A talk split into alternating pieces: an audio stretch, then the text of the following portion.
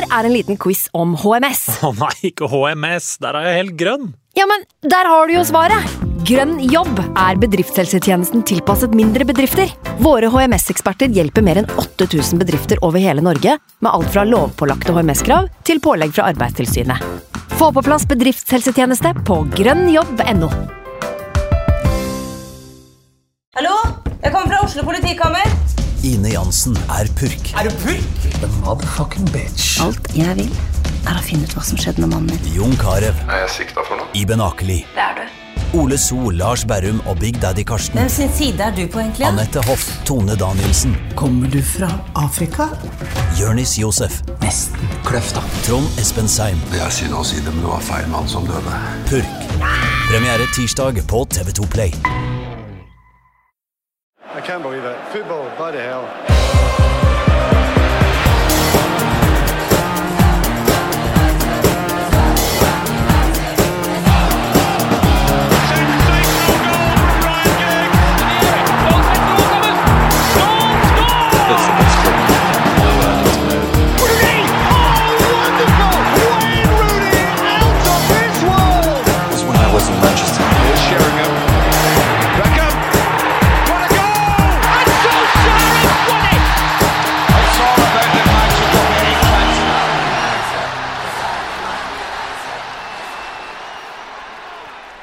Velkommen skal du være til en ny episode av United We Podcast. Mitt navn er Ken Vasenius Nilsen. Har et knippe deilige mennesker eh, med meg i dag. Vi har eh, Christian Fredrik Mikkelsen, som tar seg litt vann der borte. Ja, hei, hei, jeg tar meg litt vann, jeg. Ja, det er lov, Det det. like rett. Eh, TV-fjes fra NRK. Ja. Martin og Mikkelsen rett rundt hjørnet. Kommer om en ukes tid. Ja, Ja. har du troa? Eh, ja, passe. Ja. Jeg håper folk liker det. Ja. Ja. Du er en ydmyk mann sånn sett. Ja, men jeg vil ikke gå for hardt ut heller. Nei. For det er skummelt. Eh, vi pleier å, Det er jo første gang du er her. Ja. Eh, vi pleier alltid å liksom eh, prøve å finne ut hvorfor folk liker Manchester United. Hvordan starta dette, når de er her første gang? Eh, nei, det var jo Jeg er jo en generasjon som eh, var seks år gammel når det var fullt av nordmenn på United. da. Så det var eh, Solskjær og Ronny Johnsen og Henning Berg og Erik Nevland inne på rookie-laget der og, og Jokka. Ja. Så, um, så det er jo derfor, da. Naturlig valg eh, da du var ung. Det var et enkelt og naturlig valg. Mm. Hvordan er det nå da å se liksom Ole Gunnar Solskjær tilbake igjen eh, på trenerbenken? Det er veldig eh, hyggelig. Jeg er veldig nostalgisk. Prøver å ikke bare tenke med hjertet noen ganger når vi snakker om det. Ja. Men bestekompisen min, som vi begge hadde altfor store United-drakter når vi var liten, han ringte meg 19.12., dagen etter at Solskjær ble sjef, sa han nå må vi reise over, så vi rekker det mens han fortsatt er sjef. Ja, det er lurt, da. Ja. Har dere fått bestilt noen billetter? Vi skal reise i morgen til London Å, og se Fulham United. Å, så deilig. Misunnelsen brer seg i studio. merker jeg. Eh, Halvard Dyrnes, velkommen til deg også. Takk, takk. Eh, fremadstormende komiker og impromann. Det det stemmer det. det er, ja, ja, ja. Debutant du også i United We Podcast, så vi må stille deg samme spørsmål. da. Hvorfor ble det Manchester United en gang i tiden? ja det er jo, altså, Jeg også begynte jo å følge med fotball starten av 2000-tallet. Da var det jo ikke så mange nordmenn igjen, men det var jo Solskjær det var hangla inn og ut av noen skadeproblemer. Så Ja. men De første fotballminner er jo å sitte og skulle se da tippekampen på NRK og prøve å, å finne ut via det som da var eh, internettmuligheter, om Solskjær hadde skade eller ikke, og om han skulle bli med. Ja, ja, riktig. Eh, om det var bare at han var satt ut av laget, men det jugde oss han var skada, f.eks. Ja, Eller om han var skadefri, for han var jo Ja. mye av og på på den tida. Ja. Så Men de- Var det dypt inn i tekst-TV, da? Eller hvordan var det det du jobba hus da? jeg husker ikke. Jeg Nei. bare husker at Vi satt først og fylte ut en tippekupong. Jeg hadde hørt om Tottenham, så vi satt en på hjemme mot Newcastle. Og så var det en eller annen United-kamp klokka fire. Og da veit jeg at jeg var United-supporter, men jeg veit ikke hvordan det skjedde før det. Det er mulig at du ble det gjennom tekst-TV. Kan, Kan ikke utelukkes. At 777 har ført meg rett inn i United. Fredrik Sjåstad Næss, velkommen til deg også. Tusen takk. Eh, Kjent fra Konspirasjonspodden, en av Norges største podkasts, faktisk. Gratulerer med det. Tusen takk skal du ha. Er det noe i teorien om at Ole Gunnar Solskjær er et utenomjordisk vesen som er sendt hit til jorda fra framtiden for å redde verden? Han er i hvert fall utenomjordisk god. Ja, Det er han. Så jeg eh, går god for den, jeg. Du går god for den, ja. Ja. Det er godt å høre. Så har vi også med oss Paul Thomas Clay, den eneste i studio som ikke er United-supporter. Eh, kommentator i Viasat. Hæ? Kommentator i Viasat, velkommen til deg òg. Jo, takk. Takk, takk. Det er jo fordi du kan din franske fotball eh, at du er på besøk her i dag. Det er jo et visst oppgjør mot PSG rett rundt hjørnet. Mhm. Eh, Men når vi først har det her, hvordan eh, hva er ditt forhold til Manchester United? Hva er det første du tenker på når du ser den klubblogoen der? Eh, jeg har jo holdt med tidligere, da, når jeg, var eh, yngre, egentlig mer enn nå, for nå jobber jeg med materien, men eh, jeg har jo vært et annet rødt lag som egentlig Solskjær var fan av før. Liverpool, ja. Ja, riktig. Ja. Men jeg har, jeg har faktisk sett Manchester United flere ganger enn Liverpool i Premier League. Ja. Mm -hmm. Jeg har sett de to ganger. Du har klart å vaske av deg Liverpool-supporterskapet, eller? Eh, nei, men det er, det er et eller annet når du jobber med det, så må du forholde deg nøytral til det også. Det, så jeg, på en måte, den derre fan-biten har blitt litt sånn nedtona etter hvert.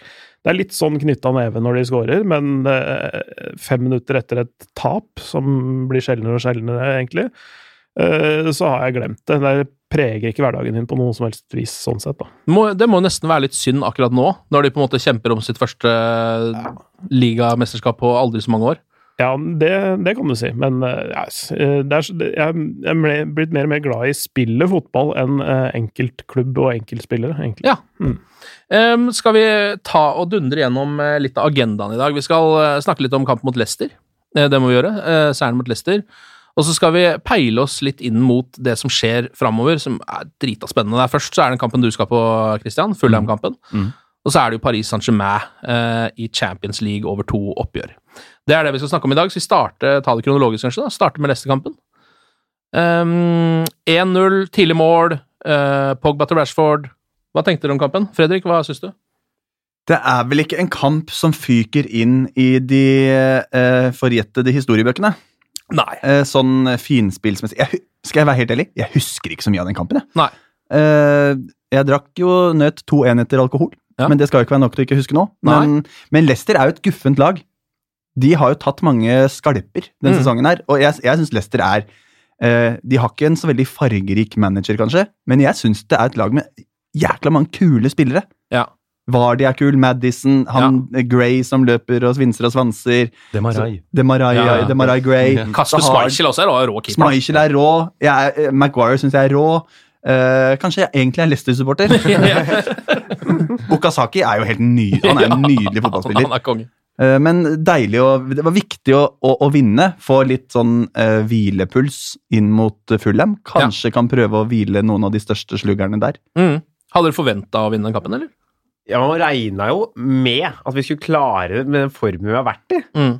Og så var det en seier som var litt sånn deilig å kjenne på. Vi kan, ta, vi kan vinne de kampene her. Ja. Og vi ble jo, De første 20 minuttene etter pause, det var jo enveiskjøring omtrent mot Uniteds mål. Og vi slapp jo inn til avslutning på hver eneste dødball. Ja. Men vinner 1-0 allikevel. Ja. Og det er deilig. Ja, det er deilig å kjenne på at det, ja, vi greier å tape alle hodedueller på dødball, men vi vinner 1-0. ja.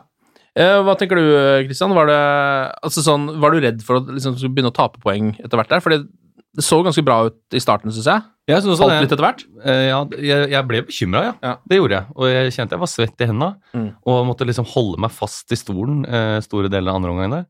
Men som Halvard sier, så syns jeg det var deilig at, man, at det, den tok vi. Ja. Og da at eh, vi har, den er ikke den beste dagen, og det kan man jo si om mot Burnley også. Det var ikke den beste dagen, men der redda de seg i hvert fall inn. Ja. Med en uh, heroisk innsats uh, de siste 20 minuttene. Ja. Men eh, at de klarer å At vi tar den, det var sånn Ja, digg. Da har vi tatt Ja. den. Det var gjort. Jeg vet ikke, uh, Pål Thomas, sånn, du som liksom følger fotball fra uh, forskjellige ligaer. Du er jo, følger jo med på eh, veldig mange av de europeiske ligaene, Ja. um, og kommenterer flere av dem også. Mm. Uh, hva vil du liksom si, Hvordan vil du plassere eh, det som Ole Gunnar Solskjær får til nå? Nå er det ti kamper. Ni seire, én uavgjort. Ja, det, det, er, det er selvfølgelig veldig sterkt. eh, men det kommer jo av en grunn at han, eh, han kjenner den klubben eh, bra. Han også at han kjenner sine egne begrensninger, at han knytter til seg riktige personer i de rette funksjonene. Altså det at han har med seg noe nytt inn, men ikke kaster alt det gamle ut av apparat, sånne ting. Det er jo i mitt, mitt hode en selvfølge. Eh, men eh, han gjorde jo ikke det samme i Cardiff, for eksempel. Han lærte av den feilen, og det tjener jo, eh, tjener jo United ganske godt akkurat nå. Mm. Jeg syns jeg syns det er imponerende, det han har gjort. Det er ikke eh, sånn at alle hadde klart det, selv om enkelte andre trenere mener at de kunne gjort akkurat det samme. Ja, og veldig mange tidligere United-spillere òg, som Ja, det, Hei, hei, Paul det, Ince. det, var- det var den uh, kategorien der. Ja. Kategorien Paul Ince jeg tenkte på. Eh, så, så ja, det, jeg er imponert over det han har fått til. Det som er eh, nå, Men nå er liksom hvetebrødsdagene over. Ja. Nå begynner det virkelig å bli spennende, tenker jeg, de neste ukene nå, med et par kamper i Premier League som, eh, hvor de møter la oss si, kvalifisert motstand, eh, og i Champions League. Det kommer til å peke litt hvordan resten av sesongen eh, kommer til å tegne seg også, og hvor, hvilket nivå det er på liksom snuoperasjonen. Altså, fordi det har, som, som flere har påpekt tidligere, vært eh, hva skal vi si, litt lettere motstand, eller et, sånt, et greit program å starte med, da, i hvert fall. Ja. Ja. Nå har hun jo hatt uh, både Arsenal og Tottenham inne Ja, der. ikke sant? Det, og det, det var veldig bra, Mm. uh, de, de kampene der. Altså, det å ta de seirene der, er, det, det er kjempemessig, men uh, så er det disse Burnley og Leicester-kampene som, Ja. som viser at nå er hverdagen tilbake lite grann. Eh, og hvordan man takler det og kommer seg videre fra det igjen, er det som er viktig. Og for så vidt er jo Leicester-svaret på Burnley-kampen et ganske greit eh, bevis. Så er det jo litt marginer som flyter med også, med tanke på den Leicester-matchen, ikke sant? Eh, og det, det er ikke forbudt å ha marginer på sin side. Det har jo vært nok av marginer imot tidligere også, så Mm. Og det er ikke forbudt å ha en god keeper. Nei. For det, det redder jo inn litt av stumpene, for det er jo stort sett en backrekka problemene sitter. For framover eh, har det jo eh, vist seg å være ganske så greit. Ja, Hvordan vil du liksom rangere United-mannskapet som er nå? Hvis Når du ser på de andre Du må tenke liksom at United er en klubb som vil være La oss si at United vil være i hvert fall i en semifinale i Champions League. da, Være blant de fire beste lagene i Europa, på en måte. Hvordan rangerer du det hvis du skal se på de andre stjernelagene der ute? Mhm. Ja, det, ja, jeg veit ikke. Altså, det, altså, offensivt så er det jo, er det jo bra. Jeg, jeg liker jo den komboen eh, Matic Herrera på midten, Pogba foran der. Eh, foran så har de jo litt forskjellige mm, varianter å spille på. Altså om de velger å bruke Lukaku eller ikke, for eksempel, og Martial og Lingard og Rashford, hvordan de velger å sjonglere de, da. Eller rullere de. Mm. så, så nei, offensivt og keeperen er det ikke noe å si på. Eh, Lindløv har jo spilt bra, eh, så er det litt sånn spørsmål eh, hvem han har ved siden av seg. Ja. Eh, Det, er jo, det har jo også vært litt opp og ned. Eh, Der er jo kanskje det største svake punktet, og så er det ja, På backplass så er det jo de, de, dere, de dere har, holdt jeg på å si. De, Ja, der har vi de bekkene vi har. Eh, det, mm, Jeg skal ikke kimse av Luke Shaw. Nei, nei Det altså, syns jeg han, ikke. han på sitt beste er jo, er jo slett ikke tatt bak en vogn, han altså. Men, eh, men, eh, men ja, det, det, er, det er nok i de, den bakre fireren at det største forbedringspotensialet er, og, og, og med tanke på, sammenlignet med de andre europeiske topplagene. Det er vel den samme oppfatningen som vi har, er det ikke det, gutter? Jo.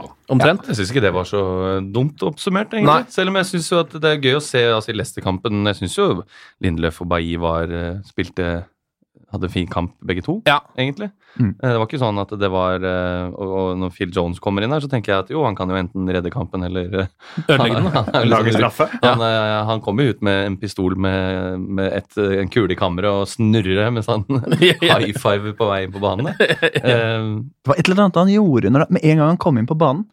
Når han, jeg husker ikke hva det var han pekte, men jeg husker bare at det lo jeg av. ja. Det er alltid noe gøy med Phil Ja, det Jones. var litt sånn rart han gjorde. Sånn skal ikke du gjøre, Phil Jones. Ja, men Han har en litt sånn spesiell kroppsbeskyttelse, Phil Jones. Ja. Eh, Så ser alltid litt rart ut hvis han prøver å gjøre ting som vanlige mennesker gjør lettere enn han. da. På en måte, altså Peking, for eksempel, eller løping noen ganger. det kan Han beveger seg liksom som om det er eh, overkroppen som går framover, Ja, er- og bare beina som Ja. må liksom desperat følge etter. Ja, det er helt riktig. Det er jo han henger i derfor noe han, tau og han prøver å løpe. ja, men det er jo Ofte så løper jo overkroppen hans fra beina. så Det ser- det er jo derfor han alltid havner med fjeset i bakken. Det er jo sånn han pleier å ende opp de fleste spurter, med å ha fjeset i bakken. Han styrer liksom med brystet. Ja, han gjør det.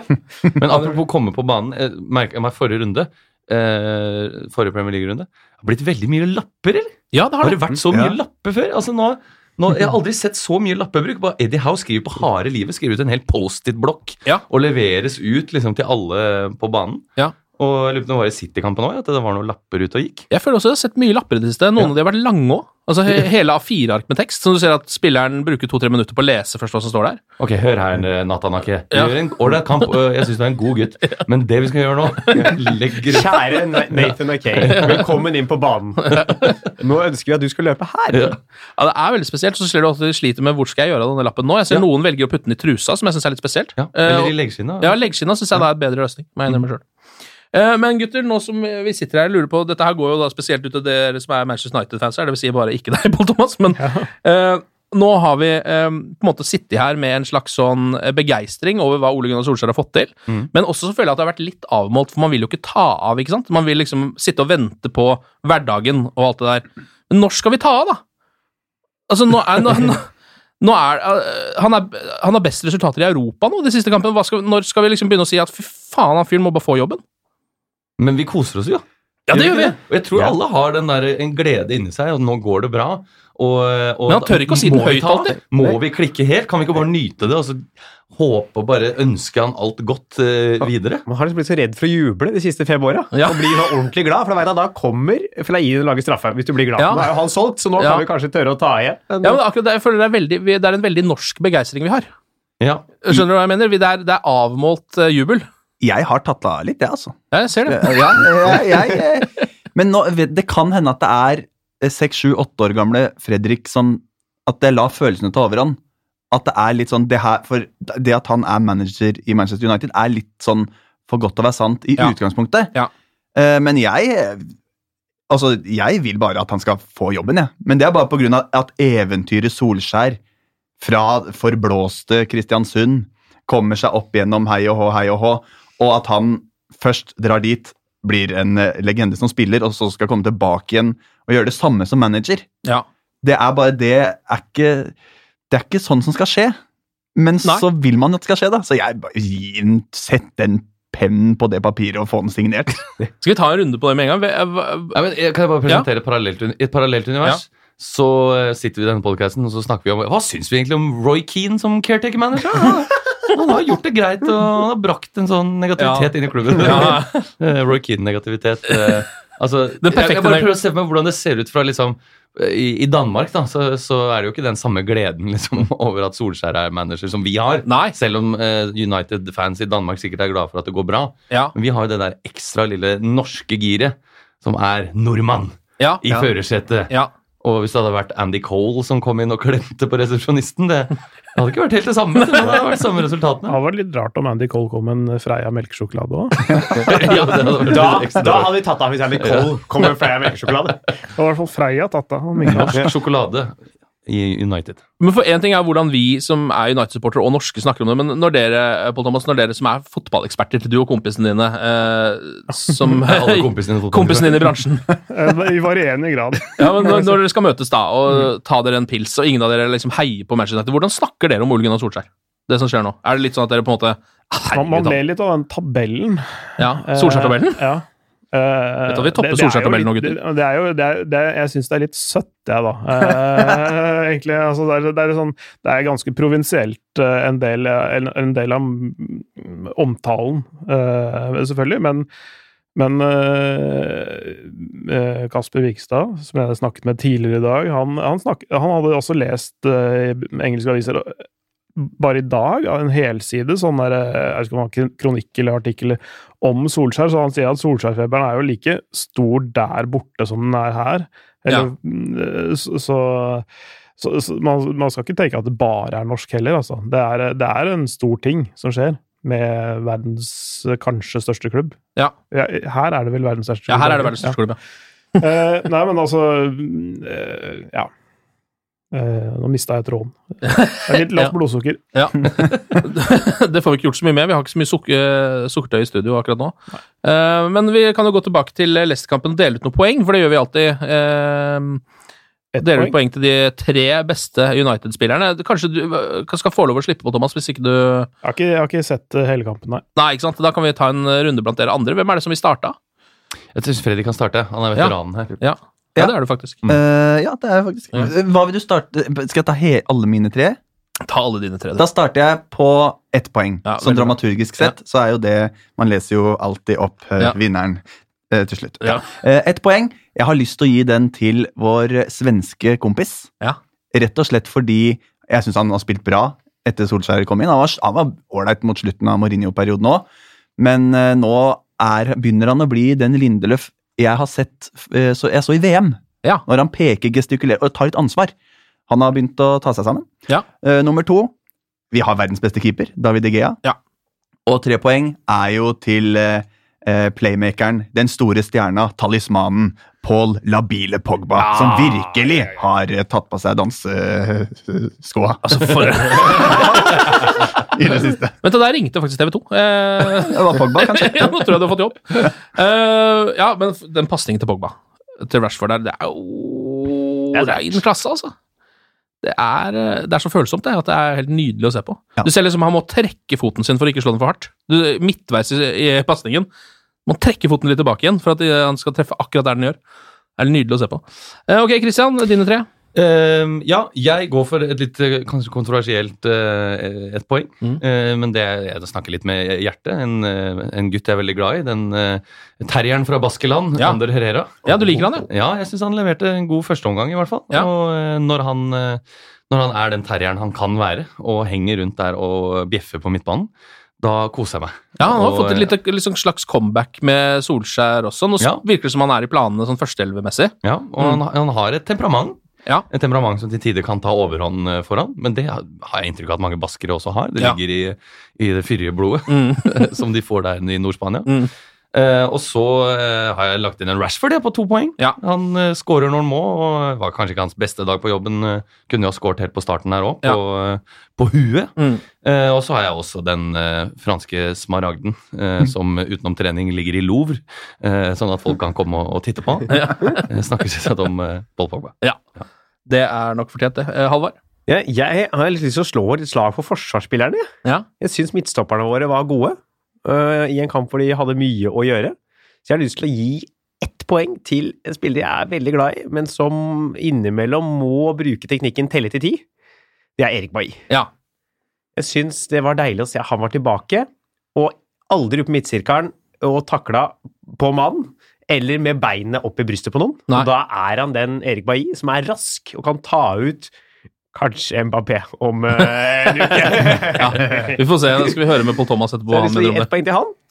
Og så er det to poeng Man må jo rett, kanskje rett og slett sende den over kanalen uh, inn i Var det Louvre han lå?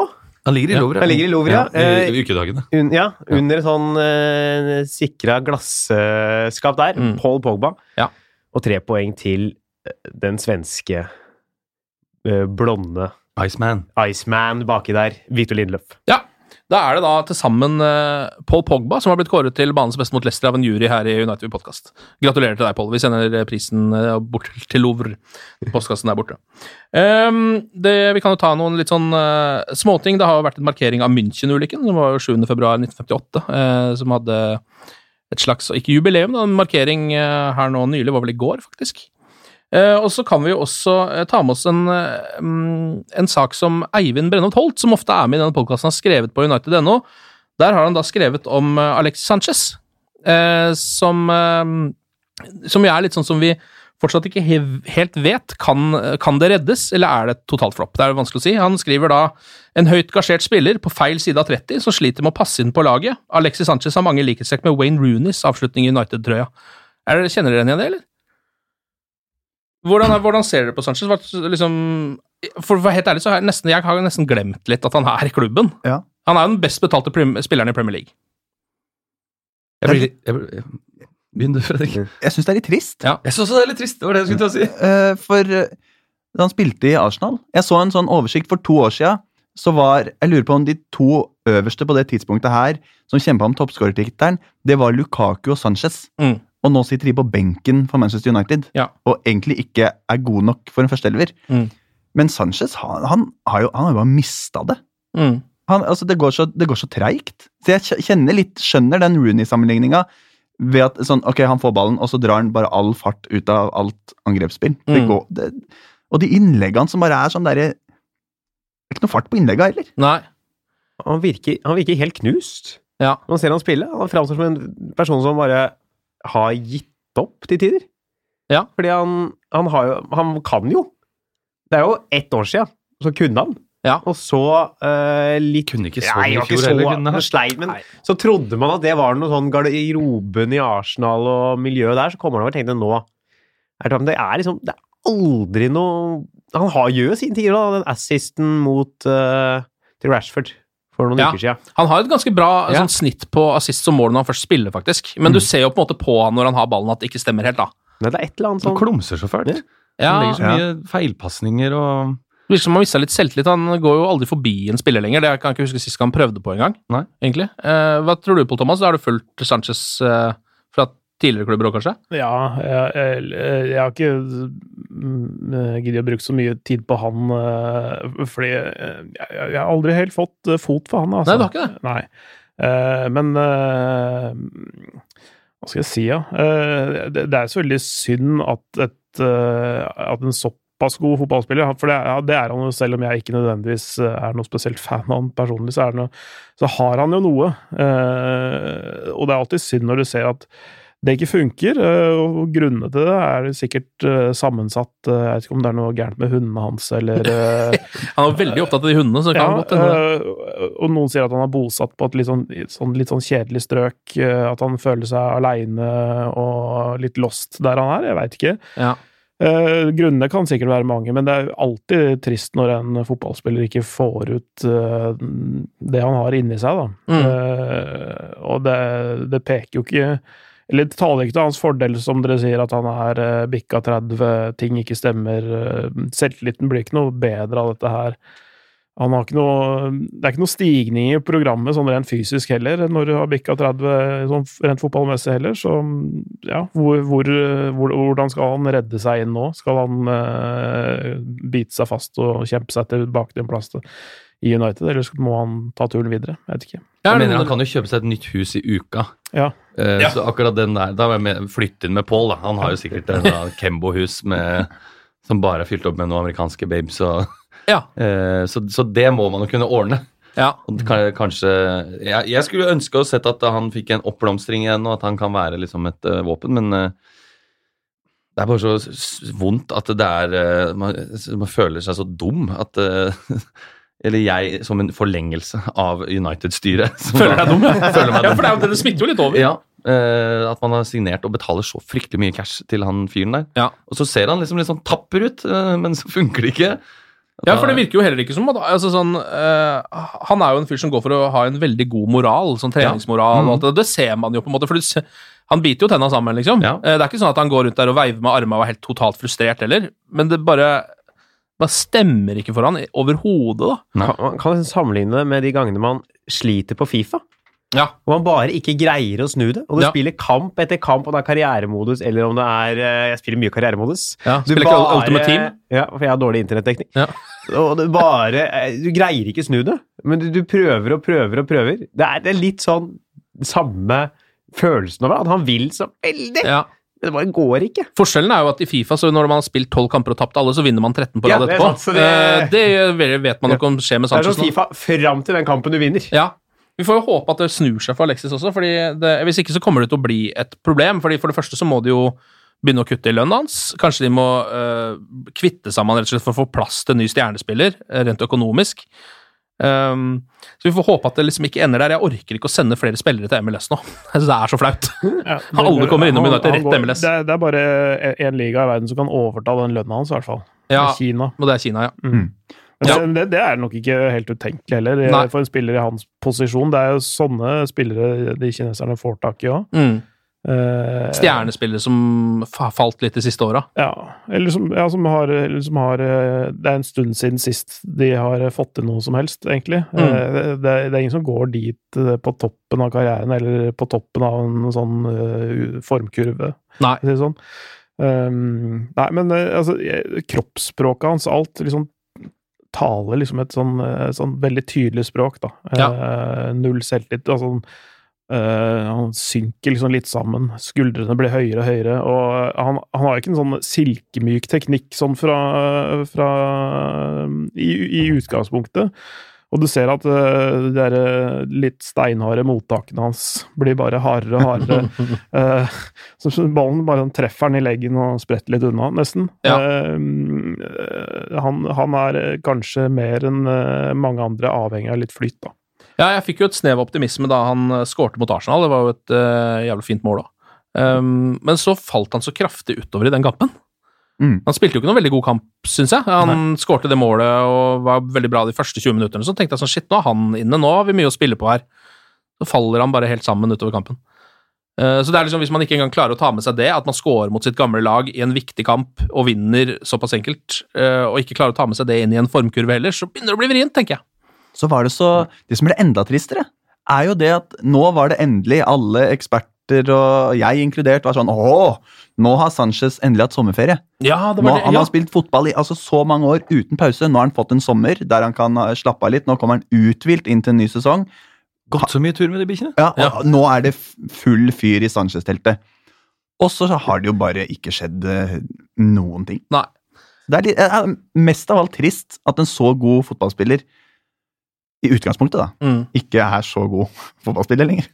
En annen uh, litt trist skjebne kan vi jo snakke om nå, fordi José Mourinho sliter jo litt grann om dagen. Uh, vår eksmanager han uh, har, har en eller annen grunn dratt til Russland og surrer med noe hockey der borte. Jeg vet ikke om det går bra med han eller ikke, men Det har ikke fått med. Har du fått med du, det? og du må se, det er veldig festlig. Det er vel det gøyeste fra internett forrige uke. Ja, han er, han, han er borti KHL, tror jeg det heter, som er den russiske hockeyligaen, Ja.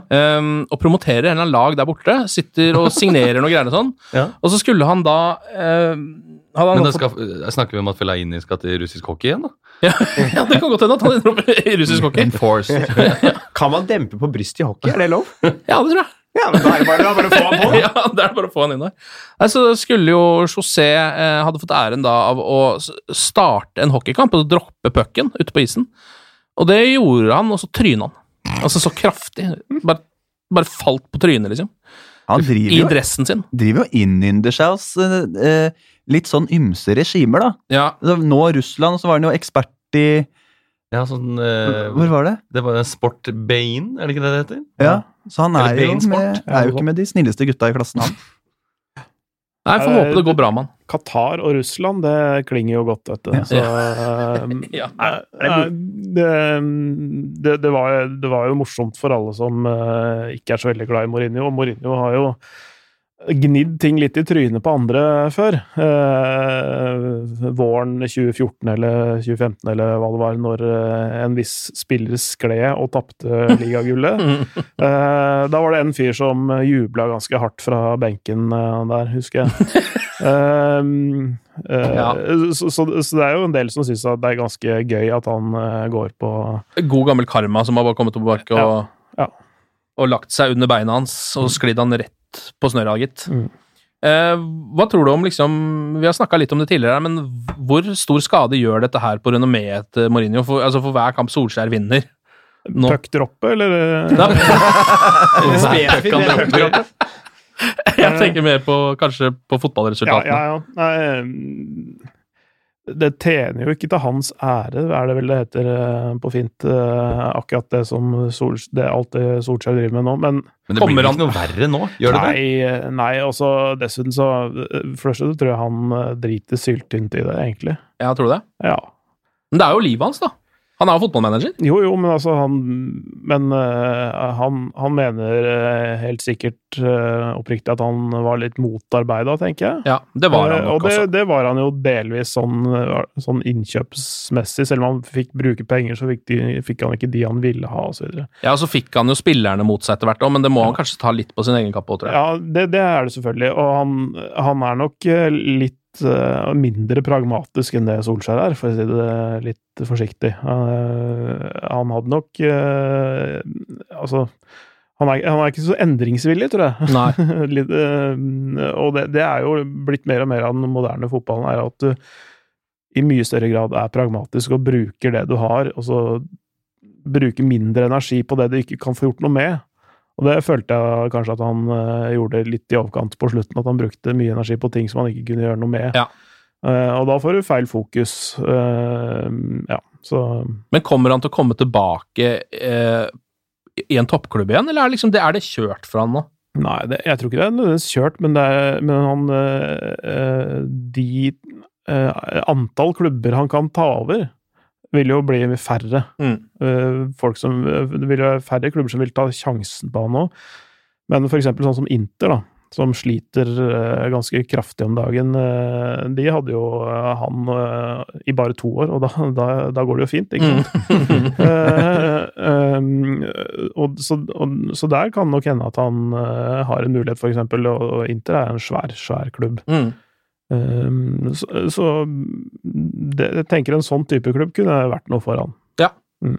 Eh, nei, vi ønsker jo, som vi har sagt mange ganger før, José Mourinho eh, all lykke med sine fremtidige eh, Bedrifter. bedrifter. Er det vel det heter, er det ikke? Jo. Ehm, la oss gå videre mot Fulham. En kamp du skal på, Christian. Mm. Rått, det, da. Ja, Det er på Craven Cottage. på Craven Cottage, ja. Ja. Liker litt sånne eh, små, koselige stadioner. den er jo den koseligste stadion i Premier League, i hvert fall. Ja. Det er det ikke noe tvil om. Jeg har hørt at det er ganske hyggelig i Bournemouth òg. Ja, det kan stemme. jeg tror jeg har vært litt mer bekymra skulle dra til Bournemouth, selv om de sleit eh, forrige kamp voldsomt. Ja, Fulham har vel Altså, de, de har Jeg lurer på om de har én seier og fem tap, eller noe sånt, på seks siste. Det, altså, de er ikke form Nei. I det hele tatt. Kan vi ikke liksom oppsummere litt Fulham om at eh, de trengte en forsterkning, og han de henta inn, uh, har spilt i Premier League før. Da han dro fra Premier League, uttalte han 'Jeg holder ikke tempoet i Premier League, jeg må vekk'. Ja. Håvard Nordtveit. Ja. Uh, Og når det er han du da henter inn for å redde det, da er det kanskje ikke så godt tegn. Nei, uh, det kan nok stemme. Eh, de De henta jo vel en, en eh, Babel òg, ikke? Ryan Babel òg, ja. Også en, ja, Han gjorde det for så vidt greit nok da han var i Liverpool. Uh, Ryan Babel. Jeg syns han virka ganske bra sist jeg så ham synes Fulham. Det føles ut som det er utrolig lenge siden han var i Liverpool. Ja. Men eh, Ja. er det ikke det? Jo. Ja, det begynner å bli en stund siden. Ja. han gjorde det bra i Besjiktas, Ja. faktisk. Uh, tro det eller ei. Mm. Uh, så, så, det, så det kan uh, Det trenger ikke nødvendigvis være så gærent. Det er egentlig ganske Hvis du ser på sånn spiller for spiller Jeg kjenner jo en, noen av de fra Frankrike, de som spiller i Folheim nå. Uh, spiller for spiller så er det, det er ganske mange gode spillere, men det er jo det er ikke en harmonisk tropp for fem flate øre der. Da. Uh, eh, så Raniere har jo sikkert en av sine største utfordringer i karrieren ved å få det der til å tikke og gå, egentlig. Jeg, jeg var faktisk på Old Trafford og så det motsatte oppgjøret. Uh, 4-1-kampen eh, tidlig i desember. Mm. Um, de, var, de hang jo ikke sammen i det hele tatt, selv om jeg veit at spill, spiller for spiller, som sagt, er de ikke dårlige. Det er gode spillere som kommer fra gode lag i gode ligaer, egentlig. Så det er nesten utrolig at de ikke spiller bedre enn det de gjør. Syns jeg, da. Ja, de har jo blant annet har de jo han eh, Hva heter han? Seri, er det det han heter? Mm. Eh, som kom fra NIS eller noe sånt? Ja. Så har du Sambo Angissa som kom fra Marseille, også en veldig god spiller, egentlig. Men, ja. og, de, og de brukte var det halvannen milliard eller noe nå i fjor sommer. Ja. Uh, Men bytta ut hele laget. ja. Ja. Og da blir det jo Ja, blir det sånn. tar jo litt tid å, å finne Skal finne gjengen, liksom. Ja, det er liksom, du har ikke en tydelig eh, ryggrad eller en sentrallinje, som du vel heter på fotballspråket, eh, som, som du kan eh, bekjøtte, Nei. eh, egentlig. Sånn, så, så det så, så de sliter. Det, det blir nok borteseier på Craven Cottage, ja. Ja. Mm. Er Jeg håper jo uansett på det, og når jeg skal dit spesielt, valgte jo ut den kampen med det mål for øye, å se United smadre motstand, Ja. eh, motstanderen. Når var sist du så United live? Sist jeg så United live, det var med deg, Fredrik. Ja, stemmer det. Ja, Det var en 2-0-kamp mot Watford på Old Trafford. Ja. Den godeste gutten Juan Mata skårte mål. Ja. Jeg husker Mm. ikke hvem andre som skårte. Hvem var manager, da? Det var, Det var Mourinho Ja. når vi hadde de røde hjemmedraktene som var mørkerøde på foran. Mørkerød én side og litt Mm. lysere I på sånn andre slags bikubeformat. Ja. Stemmer det? Ja. Da var vi Vi fikk ikke sitte sammen, Nei, Nei. det gjorde vi ikke. men vi satt hver for oss, og du ble venn med noen lokale gutter. Ja da. Ja. De var jo som engelskmenn seg hør og bør. Ja. Ja. Litt skumle på fotballkamp. Ja. eh, jeg tror ikke, jeg tror ikke folk i Manchester er så eh, glad i oss nordmenn lenger. Altså jeg tror det på en måte, de er jo, jeg tror de liker Ole Gunn Solskjær, og så liker de til en viss grad at det er noen av oss som ser på kampene, men jeg tror det begynner å bli litt mange. Mm. Tar opp litt mange plasser på Old Trafford nå, virker det som. Ja, såpass, ja. Ja, i hvert fall fikk jeg høre det da jeg var der nå. Eh, det er ikke så lenge siden jeg var og så de mot Everton. Mm. Um, og da var, satt noen folk og ropte øh, bak oss, eller og bare skreik at faen, det er bare nordmenn her, liksom. Hva er det som, er det som skjer på denne siden av tribunen? Eh, Så det er En sånn norsk runkering på Ja. Old Trafford? Ja. Ja. Mm. Uh, hvor alle står der og bare snakker norsk og skråler og holder på. da. Vi er akkurat som på fotballpuben hjemme, ikke sant? Ja. Uh, selv om vi har gått inn på Old Trafford. Uh, nei, men da tror jeg du Jeg tror du kommer til å være fornøyd med valget av den kampen, Kristian. Ja, men eh, bank i bordet. Det er en eh, Mitrovic som skårer i tide og Mm. og uh, skal ikke ta for lett på, på den motstanden der, selv om de jo ikke har så gode resultater i det siste. Og eh, det er jo en manager med noe triks i, i sekken, da. Ja, en ringrev. Ja, en ringrev. Nå får vi se hva slags lag de stiller med, da, fordi nå er det jo på en måte Denne kampen er jo på lørdag, og så er det jo da PSG på tirsdag igjen. Det er veldig få dager mellom kampene, så her må jo Ole Gunnar Solskjær prioritere. Mm. Prøve å rullere litt, sannsynligvis. Um, Det har han gjort allerede, Ja. ja. visstnok. Han har tatt ut laget for hele februar. Hvis jeg leste den, Ja, stemmer det. det intervjuet riktig, eller sitat, det siterte intervjuet riktig. mm, Han har satt opp mer eller mindre en måned fram i tid.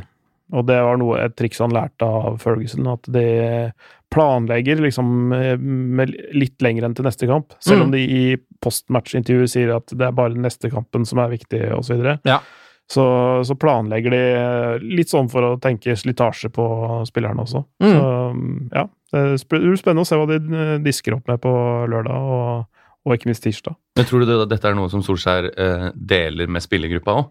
Nei. Nei. Men, eh, men eh, de, de kampene som har vært, gir, gir jo de noen føringer for, for hvordan han tenker, og da vil nok de også skjønne litt hvordan landet ligger. mm. Eh, uh, så så det, det, det, jeg tror ikke den elveren hver gang den blir lest opp, kommer som noe sjokk. Eh, Nei, Jeg tror også det, fordi jeg vet at eh, Ferguson var altså ved Noen utplukka spillere lot han på en måte Hvis ikke de har fått, hvis det er to kamper de skal stå over, da, og ikke de skal få spille, og så begynner de å lure på hvorfor får ikke jeg spille, så er det litt sånn Jeg har en kamp til deg, det er mot Fulham. Så noen ganger så tror jeg de får vite det også, bare for å kunne bygge opp en slags motivasjon til den ene matchen. da. Den vet de at da blir det i hvert fall meg, så trenger du ikke å sitte og sutre så mye på benken. på en måte. Ja, jeg jeg får inntrykk av at Solskjær bare hvisker i øret. fordi det er det det snakkes om hele tiden. Han har hvisket noen ord i øret til eh, Marcus Rashford. Der jeg ser jo det! At han skal skyte mellom You should shoot between Jeg er bare å hviske i øret også. But say you should really shoot between the legs. Uh, talk to the boss and uh, listen in, Marcus. Men det er ikke så dum, den. Du er jo faktisk god til å altså, parodiere Solskjær når han snakker engelsk. Ja, og jeg syns det er mest den der blandinga som er gøy. Han står og snakker norsk. Og jeg er bare så glad for å være her. eh, say I talk to the boss and uh, switcher han så glatt over til den her Manchester-drawlen sin. Og det, det er veldig gøy.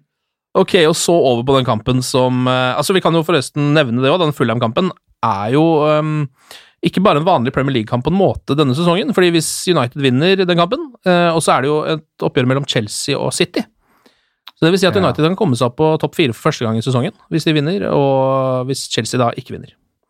Det er litt rått, da. Da er vi liksom på en måte endelig Etter så mye om og men, så er vi i hvert fall på fjerdeplass. Da kan man jo lukte det i Ja. det fjerne. Ja, da kan man lukte det i det fjerne. Ja. Og så, da, eh, Paris Saint-Germain eh, i Champions League. Det er jo på en måte en kamp som vi har grugleda oss til nå i mange måneder allerede. Nå kommer det endelig, så skal vi benke oss ned og se den kampen. Og det med en viss optimisme i blodet. Allerede der så føler jeg vi har vunnet, faktisk. Sånn som det er akkurat Ja. nå. Uh, Pål Thomas, du som følger fransk fotball, hvor gode er PSG egentlig? De er uh, etter visse parametere bedre enn noensinne. Ja.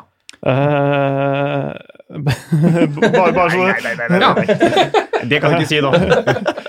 De er det. Jeg, Det jeg, jeg, skulle, jeg, skulle jo vært, jeg skulle jo være isvannet i Men de parametrene er god mat på stadion, økonomistyring, seter Kommer seg fort ut fra stadion de etter kamp. hadde- de Ny hadde en, parkeringsplass. eh, De hadde en rekordsesong i fjor uh, hva gjelder antall mål. De hadde 171 mål på 57 kamper. Det er, det, det er nøyaktig tre per kamp. Ja. Across the board, da. Ikke sant? Alle, alle turneringer. Eh, nå er de eh, I går, med cupseieren i, i går, så runda de 100 mål etter 33 kamper. Så det er sånn en, en, en lite Hva skal vi si En liten eh, prosent mer, eller et eller annet sånt noe. Ja. Eller promille eh, Ja. mer. Eh, så så, de, så de, de scorer mål som aldri før. Um, men, så, men så er det, det er en del eh, Det er en del eh, muligheter for United i denne matchen her. Um, eh, Lyon viste det godt, og det fikk Filen og Solskjær sett fra tribuneplass. Kan vi snakke om det gøye bildet, bare? Det Ja, de, de hattene. De De hattene, ja. ja. Hva var det der Mark Phelan som bare sier 'vi må være hemmelige agenter'? Jeg tror ikke jeg har sett det. Har Vi går på Primark og kjøper lue. Jo, for Phelan sitter med en sånn lue som er en sånn blanding av caps og lue. Så Hvis du skjønner hva jeg mener? At det er liksom en brem innunder ullhatten. Ja. Og, og Solskjær sitter med liksom en Det var nesten et sånt motestatement. Ja, det, det var litt uh, vinterlue. Gå imot der, Luene har begynt å gå mer og mer opp, og de, var sånn, de trekker den enda lenger ned. Ja. Noen noensinne har hatt en lue. De løp jo av gårde etter Leicester-kampen for å da fly ned til eh, Frankrike. Eh, Stemmer eller, eh, Ja, hvordan igjen kom seg over. Regner med at de fløy. Ja. Eh, Og satt der da i litt sånn Stasi-hatter og Ja, Stasi-hatter, eller jeg vet ikke hva jeg vil kalle en sånn en, en rocker fra tidlig 2000-tall som frøys litt på huet. Oh, ja. Det er vanskelig å beskrive det. Det var litt sånn rocker som nå er Melodi Grand Prix-lue. Ja, ja. godt beskrevet. Er det Joust? Joust? Joust, Joust, er det det? Ja, ikke sant? Ja, Sånn. jo, ja. Og Åge Steen Nilsen. Ja.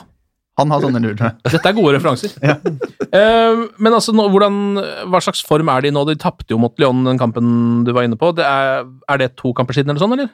Nei, nei, det var nå på søndag kveld. Ja. Uh, det var Ja, de spilte én kamp etterpå. Ja. Ja, de de spilte cup- cupmatch i går kveld mot eh, et lag fra nivå 3. Og de Ja, brukte de 120 minutter på å slå det. da. Og du gjorde det, ja. Så de, de skårte 102. minutt og 117 og 119 eller et eller annet sånt. Så de, så de måtte strekke seg et stykke på vei der, altså, for å, Ja. for å ta det. Men Men det er som om United skulle spilt mot Macclesfield, da, ja, for eksempel. omtrent, ja. Men var det B-lag, eller? Eh, Nei, faktisk ikke. Det var, ikke. det var noen eh, sånn eh, Ikke nødvendigvis startere, men det er sånn Men uh, Mbappé starta vel på benken, men Cavani starta, og liksom, Ja. Tiago Silva starta sånn. Det var, det var sånn mm. var, det var et Hva skal jeg si eh, Sju stykker fra førsteelveren eller noe sånt da, som Mm. Men, men så Jeg så ikke kampen, altså, men, men eh, sånn som jeg har sett de før, i sånne kamper, så, så tråkker ikke gasspedalen i bånn. Uh, altså det er litt sånn treningsøkt for det, på en måte. Så det det er sånn uh, Hvis de virkelig vil, så tar de det greit, liksom. Det mm, tenkte de sikkert de siste ti minuttene av ordinær tid, og så funka det ikke helt etter planen, så de måtte ta en halvtime til. Ja. Men, det, men det gikk greit til slutt, da. Eh, men eh, ja, det er spennende å se. De skal spille mot Bordeaux i helga også, så, så mm, det blir spennende å se de, hvem de kaster ut på der, og hva de velger å da, gjøre inn mot tirsdagen. Eh, Neymar er jo ute, da. Det er jo på en måte den store snakkisen før den kampen. Altså, begge klubbene har den best betalte spilleren ute. Ja, ja det stemmer jo, det. For så vidt. Litt kvalitetsforskjell på de ja, to spillerne, Sanchez kanskje. er ikke for så vidt ute sånn sett, men eh, Han er- han er ute av det. Ja. Ja. Eh, men eh, hvor, liksom, hva er forskjellen på PSG med og uten Neymar, da? Hvor stor er den? Ja, den, eh, det er jo det som, det som er uh, greia når Neymar er der, er jo det at han, han drar jo automatisk mye fokus på seg sjøl. Noe som fører til at det blir mindre fokus på Mbappé og Cavani, som da gjør at de får litt uh, bedre spillerom. Så det, det er noe Det er jo én færre å forsvare seg mot da, av, av det kaliberet, men eh, for eksempel eh, Di Maria som ja, Er det han som kommer til å spille, sannsynligvis? Eller ja, ja han, han kommer helt sikkert til å spille, fordi han har vært god i det siste òg. og han var den, den eh, største trusselen eh, for eh, PSG mot Lyon. Mm. Han skårte målet, og han eh, var nære ved å skåre eh, både én og to ganger til. Så han, eh, og han har et lite insentiv til å gjøre det greit i de Ja. United-matchene òg, så, så han kommer helt garantert til å spille. Um, uh, nei, men du mister jo Du mister jo mye når du mister Neymar, uansett. Um, noen sier at eh, PSG kanskje blir et bedre lag, liksom som Brasil ble et bedre lag uten Neymar, men uh, det er ikke nødvendigvis noen bedre resultater av den grunn. Selv om Nei. han har ego og liksom gjør ting på egen hånd, og laget som sådan spiller dårligere og sånne ting, så tror jeg ikke nødvendigvis resultatene blir så veldig mye bedre av at han er ute. Eh, så, fordi han byr på så mye i, i kraft av seg sjøl, da.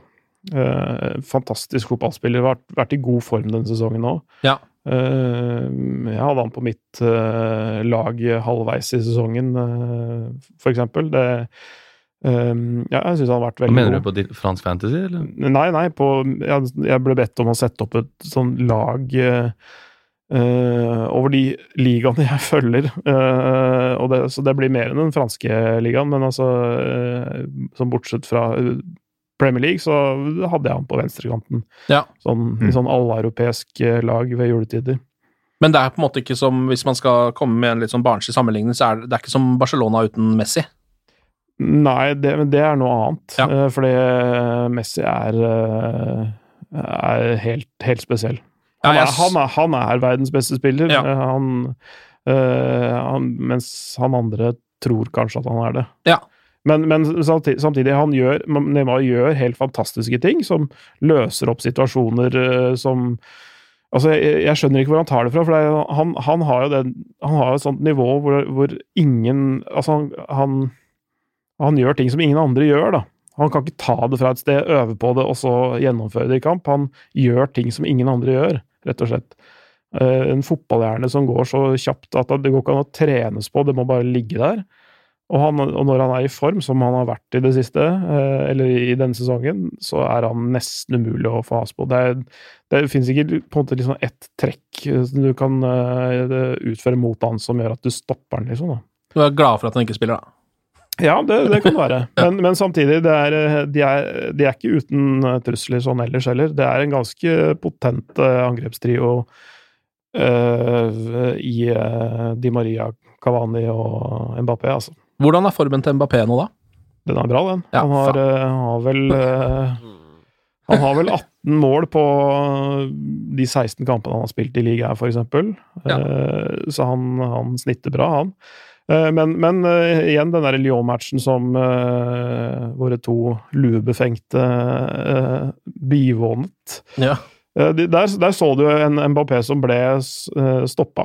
Fordi han, I det motsatte oppgjøret der så skårte han fire mål på 13 minutter i Paris.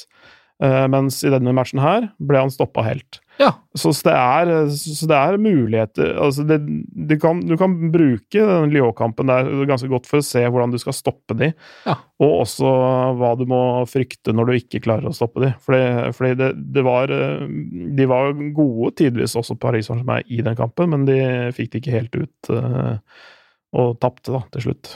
Men har de noen svakheter? Ja, det lurer jeg for jeg føler det er det du griper etter nå. Mm. Ken, du spør er han Ja. i form. Og Alle er i form, men Mm. noen, må jo, noen svakheter må det jo også være. Ja, det er, det er mange, mange ting å ta tak i der. Eh, Det, det, midtbanen spesielt da, har, har det vært et problem der. De, de henta ikke noe inn noe på midtbanen der eh, i sommer, eh, etter at Thiago Motta dro. Verratti er det spørsmålstegn om han kan spille eller ikke. Ja.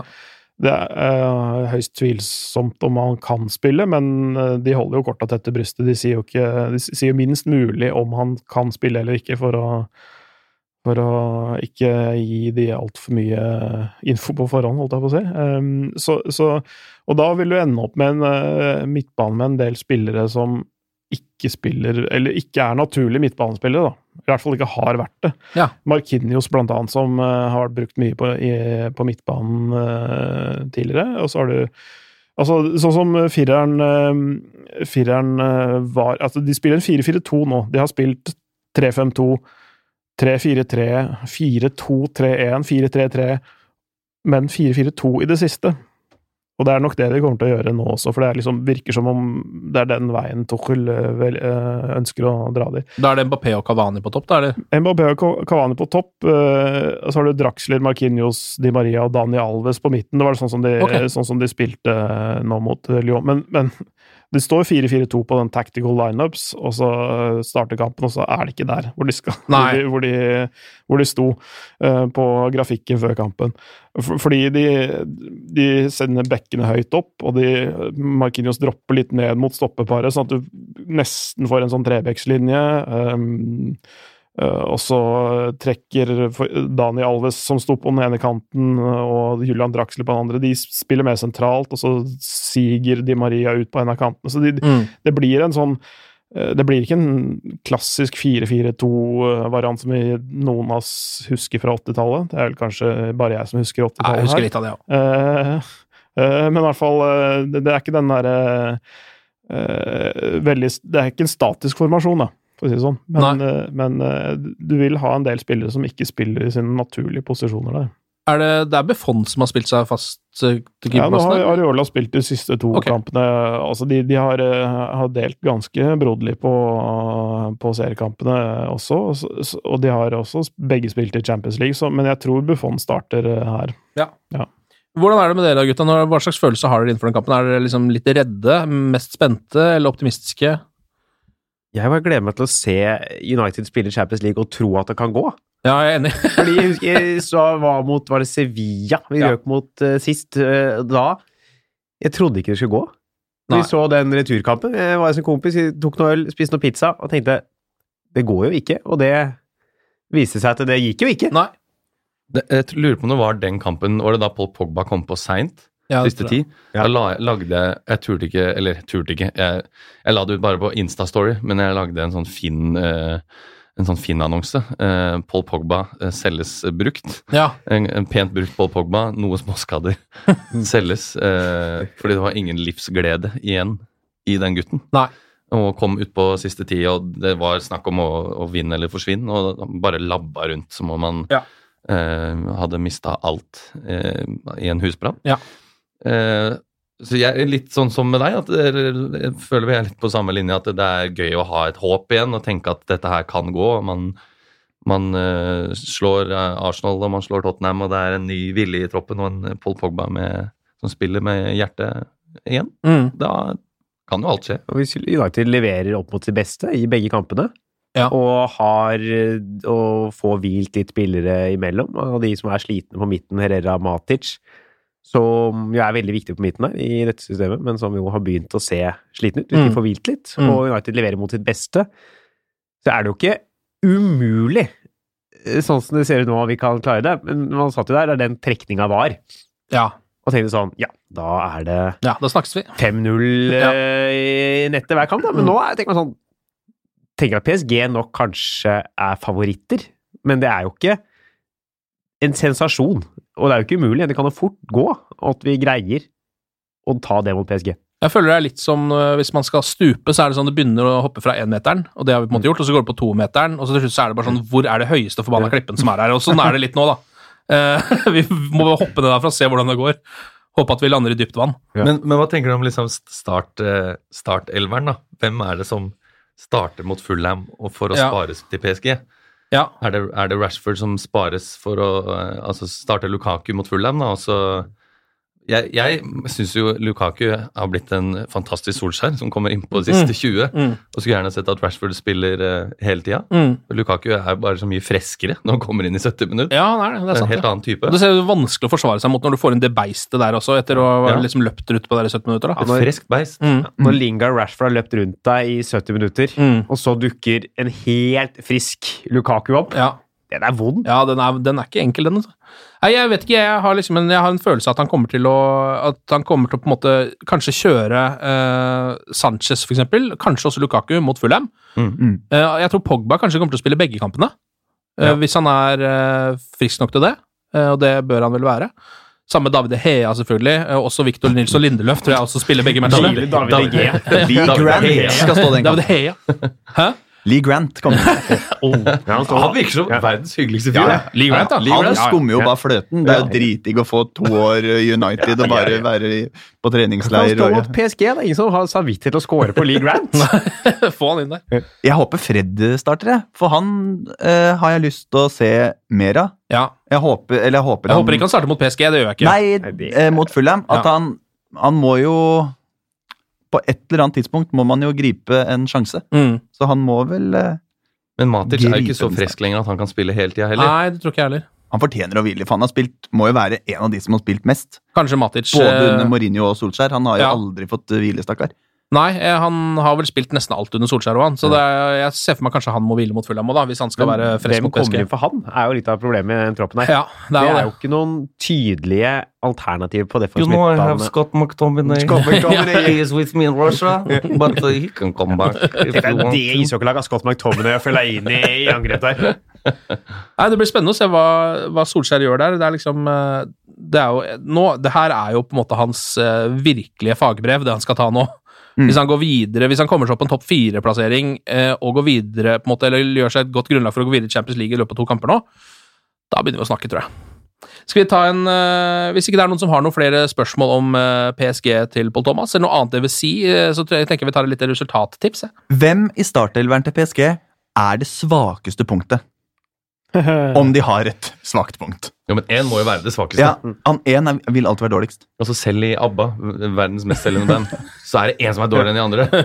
Agneta. Det gra gratispassasjeren i ABBA. eh, Selv i Marcus og Martinus så er det faktisk bare én av de som er veldig kødd. Både i fotball og Ja, det stemmer. Nei, eh, det har litt med dagsformøret, tror jeg, eh, hvem som er eh, det svake punktet. Men, men eh, jeg har eh, Markinios, hvis du, hvis du ser på han eh, Han er jo en, en stopper, egentlig, eh, som er vant til å ha hele spillet foran seg og ha oversikten fra midt i banen. Han kan av og til få litt tidsnød når han eh, er inne sentralt eh, på midten der. Eh, er ikke så god på å orientere seg som en naturlig defensiv midtbanespiller. Nei. Han ble avslørt på det et par ganger mot Lyon, eh, så hvis man er aggressive på han, så kan, så kan, det, så kan det være en mulighet. Da er det viktig å ha Herrera og Lingard utpå der. Thiago Silva har ikke den samme hurtigheten som før, så han, han kan bomme innimellom. Han lagde blant annet en straffa som ga Lyon 2-1. Um, så, så det er sånn så, Men, men det, dette, er, dette er halmstrå å gripe Ja. etter, altså. Uh, jeg, så det er, det, det er elementer ved hver enkelt spiller, egentlig, som, som man kan uh, prøve å, å, å utnytte, men, uh, men ikke en vel, et veldig klart svakt punkt. Nei, okay. Ja, det var synd. det var veldig dumt. Ja, det var dumt. Ja, det håper jeg sånn. Ja, det er en høyrevekk som aldri får til noe som helst. Han, eh, han bare er der fordi de har ikke andre. Men da kanskje å sette en liten, kjapp, hissig basker Ja. Du støter kjapt på Markinios, vi må gi han dårlig tid. Det høres bra ut. Det hadde jeg gjort. Det høres Og- veldig bra ut. Det hadde jeg gjort. Hvis jeg hadde vært Paul Ince. ja, Hvis det var du som var Paul Ince. Ok, hva tror dere om kampen, da? Kjøre en runde med resultattips eh, rundt bordet, Fredrik? Fulham først, eller? Ja. Kan jeg bare komme med et veldig dumt spørsmål? Ja. Det er jo ikke veldig betryggende fra et, en supporters ståsted. Er det hjemme eller borte mot PSG først? Jeg tror det er hjemme først, jeg. Ja, det tror jeg. Ja. Ja. Ok. Starte hjemme. Den eh, kan jo ses eh, av United-fans på Colosseum. har Ja, stemmer! Kampen Ja. går faktisk på Colosseum, Ja. eh, på den, vår største kinosal i Ja. landet. Og jeg må innrømme, jeg knegga litt når jeg så at uh, Liverpool skulle møtes på Rockefeller. Å, jeg det. Uh, ja, for å se en eller annen kamp Uh, Som de skal spille. som, de, ja, som de spilte. Ja. Men det blir jo akkurat det samme runkeringen på Colosseum. Ja, ja, jeg ser ja, for meg øl- og vinutsalg og mange som kommer sikkert altså Jeg ser for meg de lange radene på Colosseum. Mange Ja. som inn og ut der. Og masse Ja. norske United-supportere som får til å insistere på å synge 'Stand up for the champions'. oh, God ja. stemning. Ja, veldig god stemning. Ok, hva tror du om eh, Skal vi begynne med ta Fulham først, da? Resultattips, eh, Fredrik? Eh, vi vinner 3-1. 3-1, ja. Christian? Jeg eh, var først eh, Jeg vet hva, jeg tenker 2-0, tror jeg. Ja. Ja. Halvard? Jeg tror ikke det blir en fest. Jeg tror ikke det blir en festforestilling. Nei. Men jeg tror eh, jeg, jeg håper og tror det er en sånn Ja, det var godt levert. Ja, Eh, Og 2-0 borte, det er jo perfekt. Ja. Det tror jeg. Eh, jeg tipper at den kampen ender 3-0. Ja, til United, eller? Uh, ja, ja, ja, Ja, det er bra. Og Thomas, hva tror du? da? Eh, Hadde du lyst til å si Fulham-seieren? og Fem så- mener vi. nei, nei, jeg hadde tenkt å Sånn som tipsene rundt bordet her, er litt sånn som du, hvis du drar rundt på norske arenaer og ser sånn der hvor, sånn publikumstips for matchen. Det er alltid sånn derre 4-1 til hjemmelaget. Alltid 4-1 eller sånn, sånn med, med hjemmeseier med god margin. Uh, og i dette tilfellet borteseier eh, gjerne med god margin også.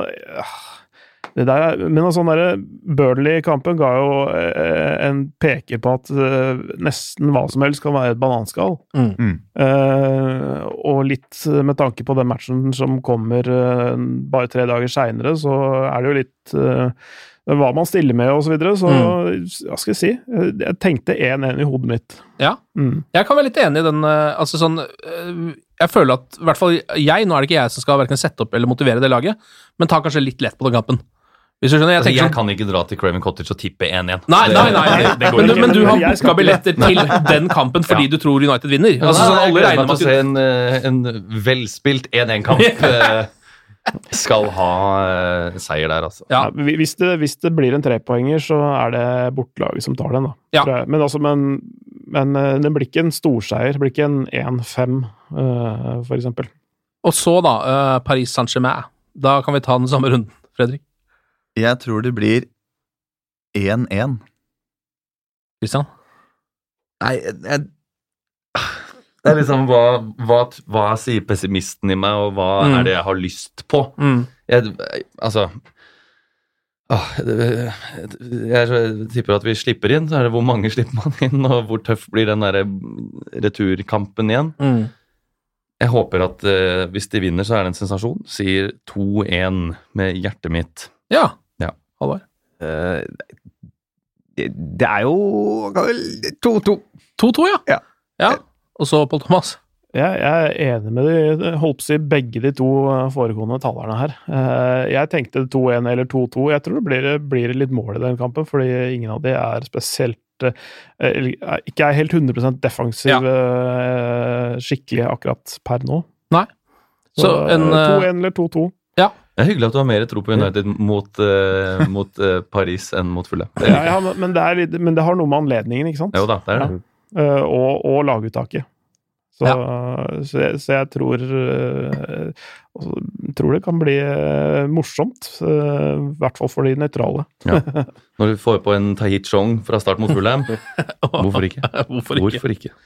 Nei, men da uh, får vi bare håpe, da. Dette her blir spennende, gutter. Endelig er det Champions League igjen. Hymnen! Hymnen! Ja, det er fint.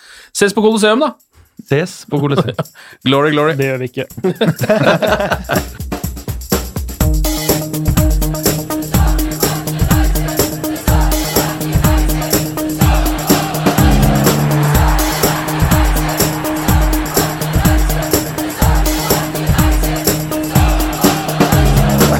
Oh, it's true. I've seen many things. Moderne media. Ukens annonsør det er matkasseleverandøren Hello Fresh. Der kan du velge mellom 25 ulike oppskrifter hver uke, eller få Hello Fresh til å sette sammen en meny for deg. Jeg sparer tid på å handle, oppskriftene er veldig enkle å lage, og så får jeg akkurat det jeg trenger da, til hver eneste rett, så jeg slipper å kaste så mye mat som jeg vanligvis gjør. Det er også litt deilig å faktisk slippe å gå på butikken, ikke bare fordi det er tidkrevende og sånn, men fordi man ender opp med å kjøpe så mye greier som man egentlig ikke trenger, sånn som fire poser eh, Smash og en kick med havsalt, eksempel. Det er ikke det du egentlig er der for, du er der for å kjøpe, kjøpe middag. Så det er en veldig eh, kjekk ting. I tillegg så er det jo eh, ferdigporsjonerte ingredienser, det blir mindre matsvinn, og du betaler bare for det du faktisk trenger, og det du faktisk da spiser. I tillegg så blir det da levert på døra til et eh, fastsatt tidspunkt, sånn at du kan få det akkurat når det passer for deg eh, sjæl. Hvis Hello Fresh høres ut som noe for deg, så har jeg en rabattkode du kan bruke også. Gå inn på hellofresh.no og bruk koden HelloUnited24. HelloUnited i ett ord, også 24, og få opptil 1779 kroner i rabatt på de fem første matkassene dine hvis du ikke har prøvd Hello Fresh ennå. Du kan også bruke koden hvis du tidligere har vært kunde, men har stoppa abonnementet ditt for tolv måneder siden eller mer. Det er ingen bindingstid, og du kan pause eller avslutte abonnementet ditt akkurat når du selv måtte ønske. Husk koden HelloUnited24, og bon appétit! Ukens annonsør er Folio, en smartere banktjeneste for deg som har en egen bedrift eller ønsker å starte for deg selv. Folio er en superenkel nettbank for bedrifter. Som kunde i Folio får du en bedriftskonto med et bedriftskort og app. I denne appen er det smarte løsninger som forenkler regnskapet ditt, uansett om du har en liten bedrift eller et enkeltpersonsforetak. Folio er både intuitivt og brukervennlig, og er laget med et enkelt språk. I tillegg tilbyr de forutsigbare priser og ingen skjulte gebyrer. Skulle du likevel trenge det, så kan du snakke med deres raske og hyggelige kundeservice, og der får du prate med en faktisk person og ikke en chatbot. Folio er med andre ord både enklere og koseligere enn banken. Over 10 000 bedrifter har allerede valgt Folio som sin banktjeneste, så besøk folio.no og se hvordan Folio kan forenkle din hverdag også. Har du et enkeltpersonforetak eller en liten bedrift? Da er du sikkert lei av å høre meg snakke om hvor enkelt det er med kvitteringer og bilag i fiken, så vi eh, gir oss her, vi. Fordi vi liker enkelt. Fiken superenkelt regnskap.